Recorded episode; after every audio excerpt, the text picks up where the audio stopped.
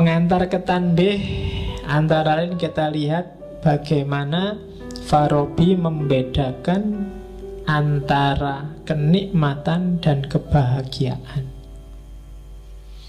Orang awam itu mendefinisikan kebahagiaan saadah itu kenikmatan. Ya orang hari ini menyebutnya kesejahteraan. Bahasa Arabnya ladzah. Diterjemah dalam bahasa Indonesia lezat.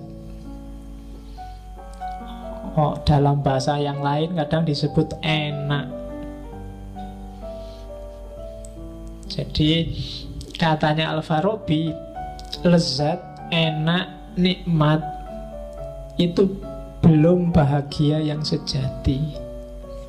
Dia baru level awal. Boleh kamu nyari enak, nyari bahagia, tapi jangan ketipu di situ. Kayak teorinya Plato kemarin, kamu seneng boleh, kamu pingin makan enak boleh, pingin kaya boleh, pingin pacar cantik boleh. Tapi dia belum bahagia yang sejati. Kaya itu tidak sejati karena kaya bisa miskin. Ya kan? Makan enak itu tidak sejati. Karena kalau kamu sakit Makanan seenak apa pun nggak ada gunanya. Padahal kamu dapat kiriman makan enak itu kan kan kalau sakit. Kalau sedang sehat kan nggak ada temenmu bawain apel, bawain jeruk. Baru kalau kamu sakit dibawain. Padahal waktu sakit Makanan enak itu rasanya nggak enak. Ya kan? Berarti makanan enak nggak sejati. Makanya kalau mau ngirim temenmu makanan enak Kirim aja waktu sehat, jangan waktu sakit. Kalau waktu sakit dia nggak minat makan. Ya kan kecantikan juga nggak sejati. Yang sejati kan kejelekan. Oke, jadi kenikmatan belum kebahagiaan.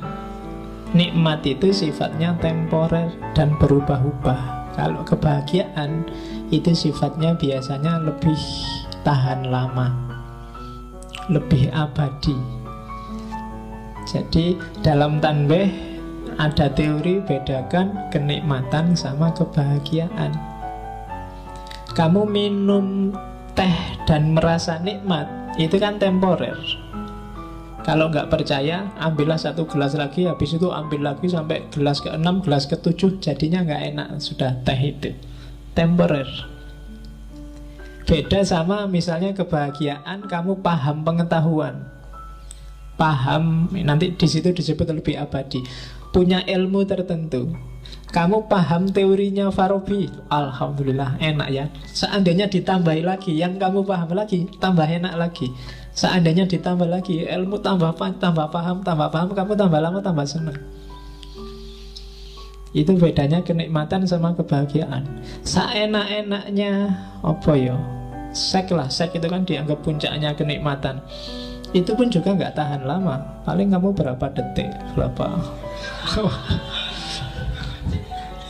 Oh ya kan? Bisa diulang pak. Ya ulang aja. Sak kuatmu wis ping ulang lagi ulang lagi. Semalam terserah berapa ronde tapi akhirnya juga ndak enak. Kalau sudah kesekian kali itu sudah ndak enak sudah. Itu dunia. Ya kalau kiai zaman dulu itu bedanya di surga sama di dunia.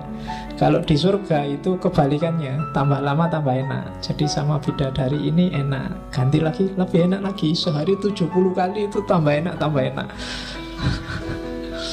Dulu Pak Yai saya jelasinnya gitu. Jadi tambah enak, tambah enak terus itu Tapi kalau di dunia ini enggak Gradasinya menurun. Iya kan? Yang pertama enak kamu. Yang kedua sudah nggak terlalu enak. Yang ketiga biasa aja Yang keempat muntah kamu sudah. Ya kan?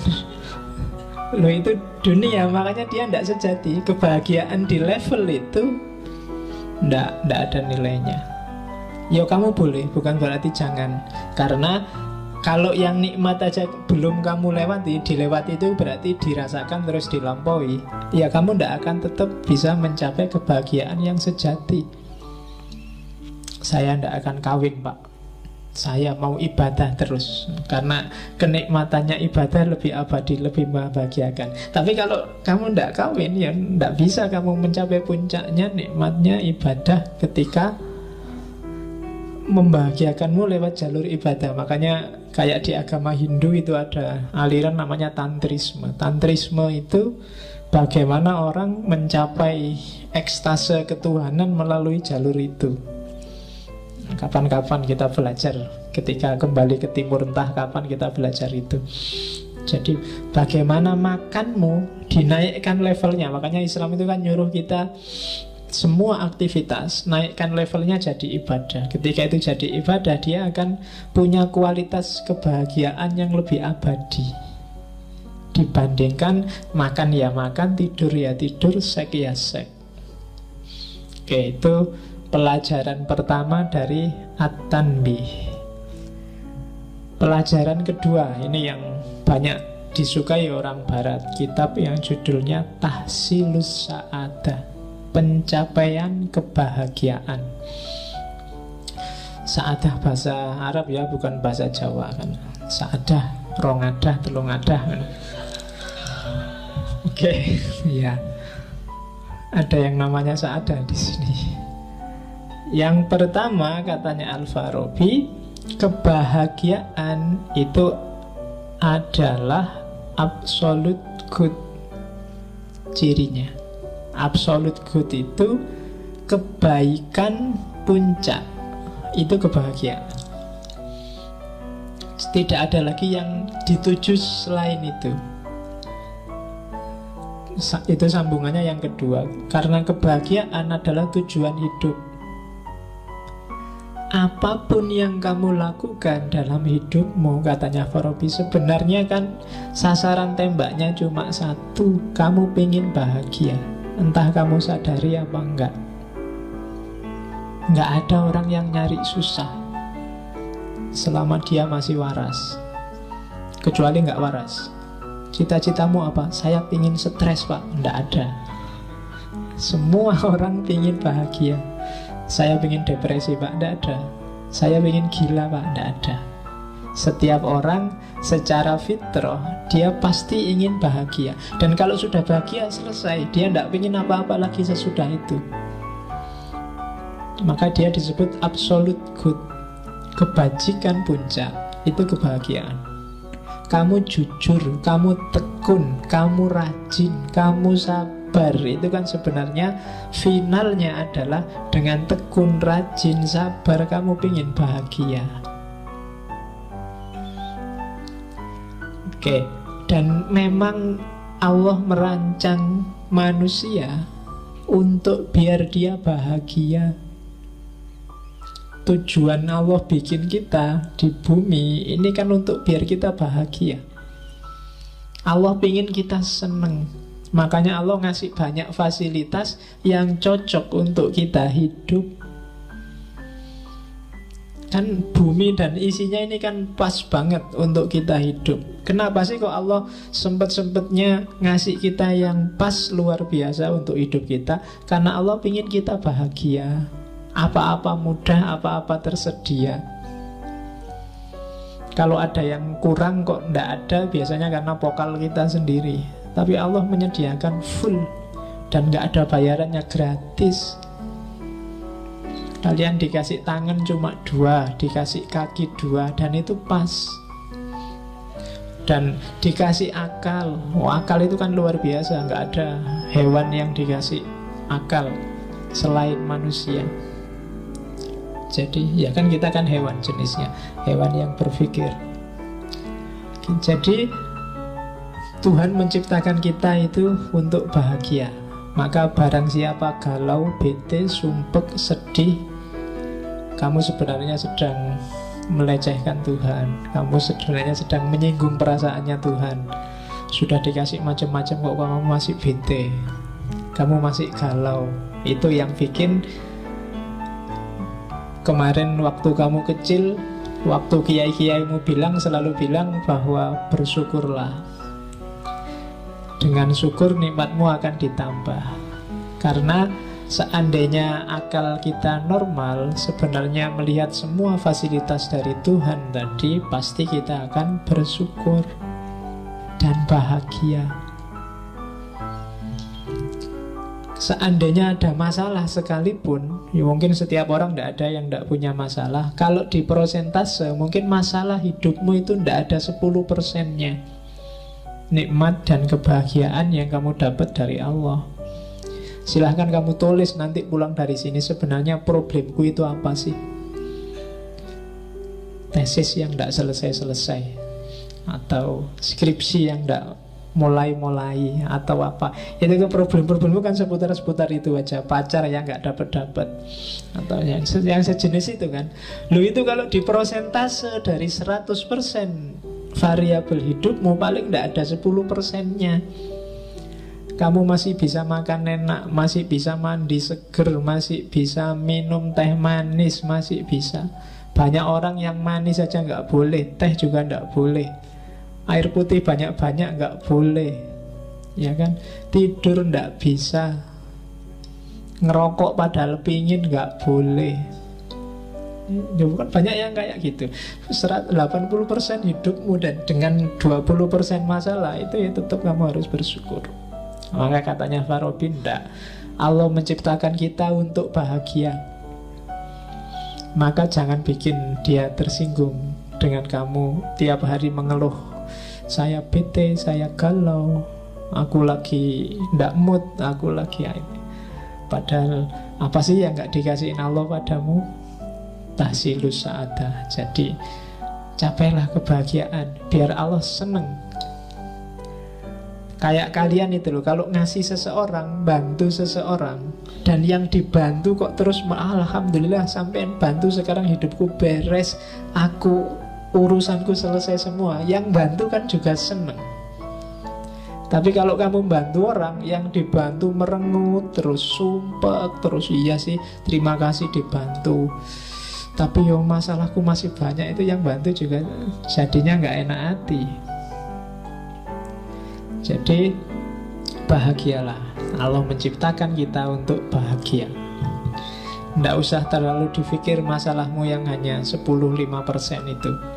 Kalau ada solusi ya diambillah solusi itu. Kalau nggak ada ya dipikir lagi. Kalau buntu ya dinikmati aja masalahnya. Itu lebih enak Kan sekarang biasanya yang bikin kamu sumpek kan nyari jalan keluar. Saya nyari jalan keluar nggak nemu-nemu. Pak Ya sudah kalau nggak nemu ya nggak usah dicari. Oh nggak nemu. Dinikmati aja masalahnya. Tesis nggak selesai-selesai ya sudah. Ditunggu aja Sopo ngerti dapat surat peringatan. Loh ya kan? Kalau dapat surat peringatan kan nanti gerak sendiri. Oke, jadi yang kedua itu. Yang ketiga rumusnya dari tahsilus sa'adah Semua yang membuat seseorang bahagia itu baik. Tapi semua yang bikin kamu galau, bete Itu kebalikannya, pasti tidak baik. Kalau tesismu nggak selesai-selesai, itu pasti tidak ada yang tidak baik yang sedang kamu jalani. Mungkin kamu males, mungkin kamu nggak tertib, mungkin kamu ogah-ogahan, mungkin kamu mismanajemen waktumu, pasti ada yang salah. Dan itu membawamu pada ketidakbahagiaan.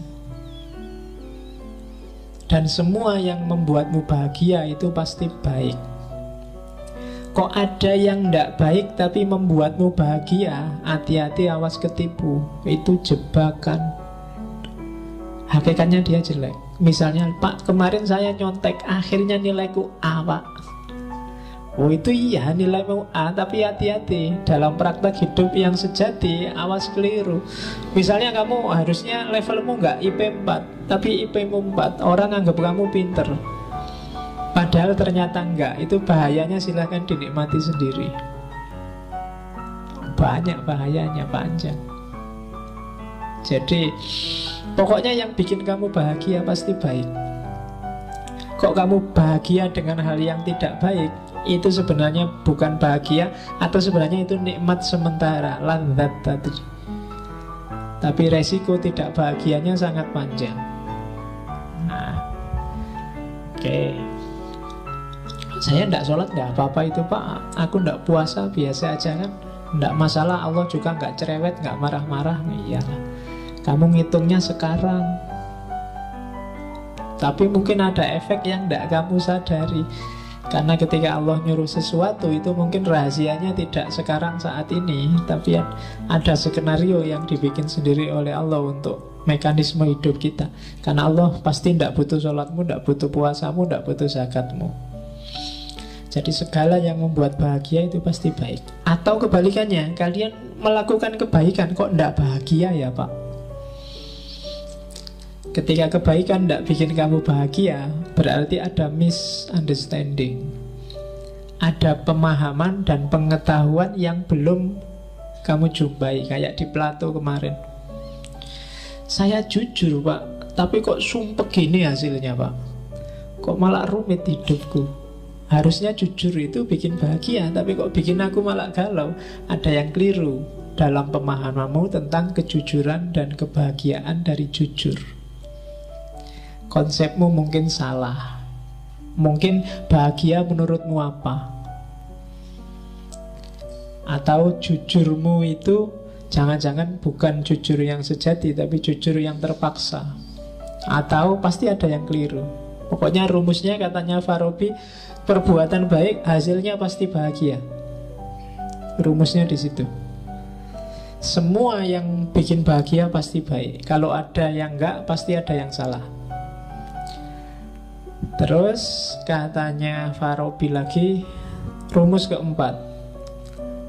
Orang tidak cukup hanya paham dan sadar Tapi juga dia harus ingin dan target ini dimensi praktis yang kemarin tidak ada di Plato.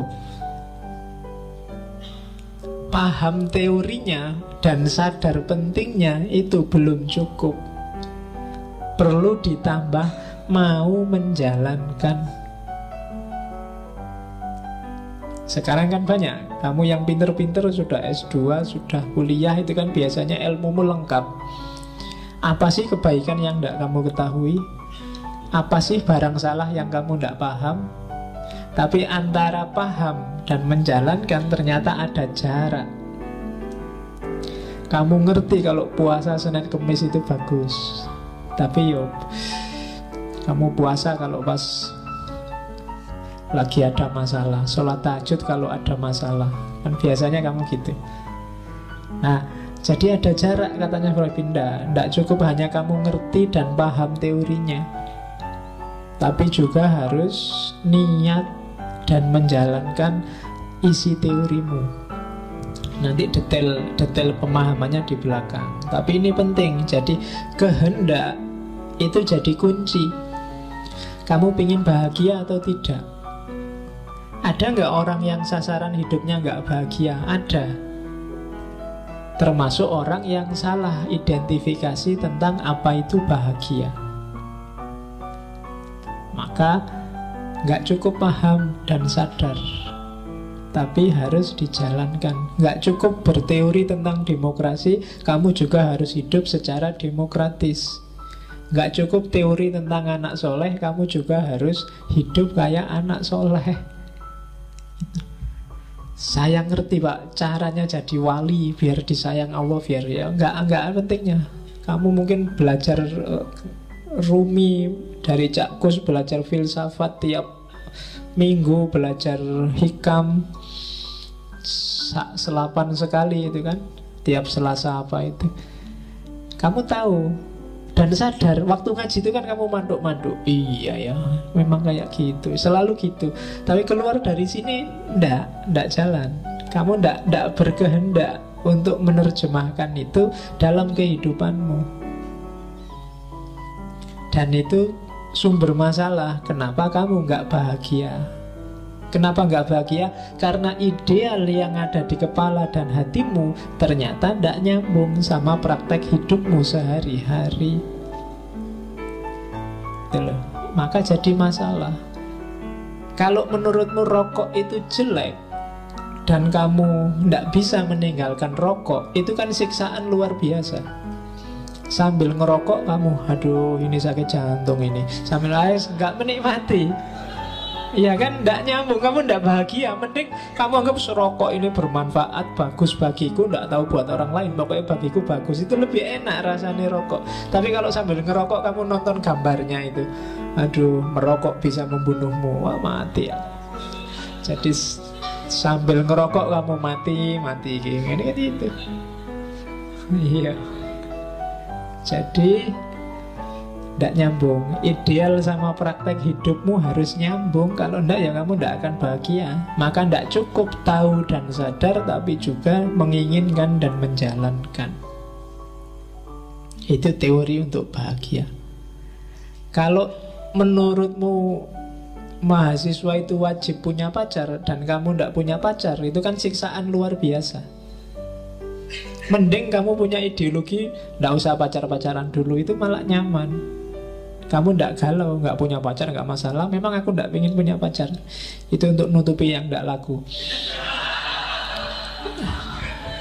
Jadi dalilnya ngono wae. Tadi saya ideologinya beda, nggak setuju pacar. Ya kan?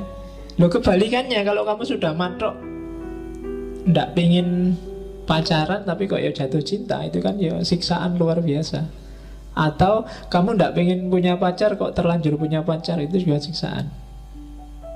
Pengen punya pacar, nggak punya pacar juga siksaan Ideal yang di kepala dengan prakteknya nggak nyambung Jadi jangan seneng-seneng kamu ilmumu tambah banyak tiap minggu, tiap bulan kalau kebenaran dan kebaikan sudah jadi referensimu, tapi tidak jadi targetmu, nggak jadi apa sumber perilakumu, itu juga ada jarak. Itu yang bikin kamu galau secara nggak sadar kadang-kadang. Jadi mending orang nggak ngerti apa-apa, lebih nyaman. Tapi semakin luas ilmumu, pertanggung jawabannya semakin panjang, termasuk secara individual. Nah, jadi kalau memang merasa wah berat ya Pak, habis itu nggak ngaji lagi nggak apa-apa. tambah pinter, tambah sumpek ternyata Pak. Ya, Oke, cuma kalau nggak ngaji, yuk, kualitas hidupmu nggak akan meningkat. Problemnya di situ. Jadi biar kualitas hidupmu meningkat, ya step by step. Jadi sekarang saya paham dulu Pak, nanti kalau siap tak laksanakan sambil ditegesin itu. Karena hidup itu kan memang harus begitu. Ya diterima aja misalnya pacarmu jelek, ya sekarang jelek dulu Pak, tapi tidak apa-apa besok. Bisa naik lagi. Dulu kan gitu hidup itu step by step. Oke. Dan kadang-kadang kita kan suka menipu diri kayak gitu. Jadi pacarnya biasa-biasa dibilang kamu yang paling cantik. Nah itu itu membohongi diri dan membohongi pacarmu. Mending kamu bilang kamu tidak paling cantik tapi ya kamu yang mau sama aku. yang yang lebih cakep tidak mau. Loh, itu lebih realistis tidak apa-apa daripada kamu membohongi diri dan membohongi orang lain. Itu kan kebohongan publik kamu bisa dituntut. Oke. Terus ya kebalikannya rumus yang di atas maka saat orang tidak ingin bahagia atau tidak terlalu ingin bahagia maka yang ia lakukan pasti jelek, pasti buruk. Kalau ada orang ndak Aku pengen rusak Aku pengen kacau hidupku Aku pengen tidak bahagia Itu pasti yang dia temukan hanya kejelekan. Itu kebalikannya teori yang di atas. Maka tidak usah merasa bersalah Kalau kamu cita-citanya pengen bahagia Hati-hati Biasanya yang muda-muda yang masih bergairah Pengen alternatif cara berpikir alternatif. Ya boleh, cuma hati-hati kalau ujungnya bukan kebahagiaan, katanya Al-Farabi, yang kamu temui di jalannya itu barang-barang jelek. Nanti dipahami di belakang kenapa bisa begitu. Terus kapan bahagia itu terjadi? Bahagia terjadi ketika jiwamu termanifestasikan kayak di Plato kemarin terimplementasikan secara sempurna, optimal. dalam dirimu itu ada daya jiwa apa saja sih? Kalau itu dijalankan secara optimal, maka di situlah kamu akan merasa bahagia. Termasuk daya makan, daya seks, hasrat untuk dihormati, hasrat. Itu kalau semuanya terlampiaskan secara optimal, maka di situlah orang menemukan kebahagiaan.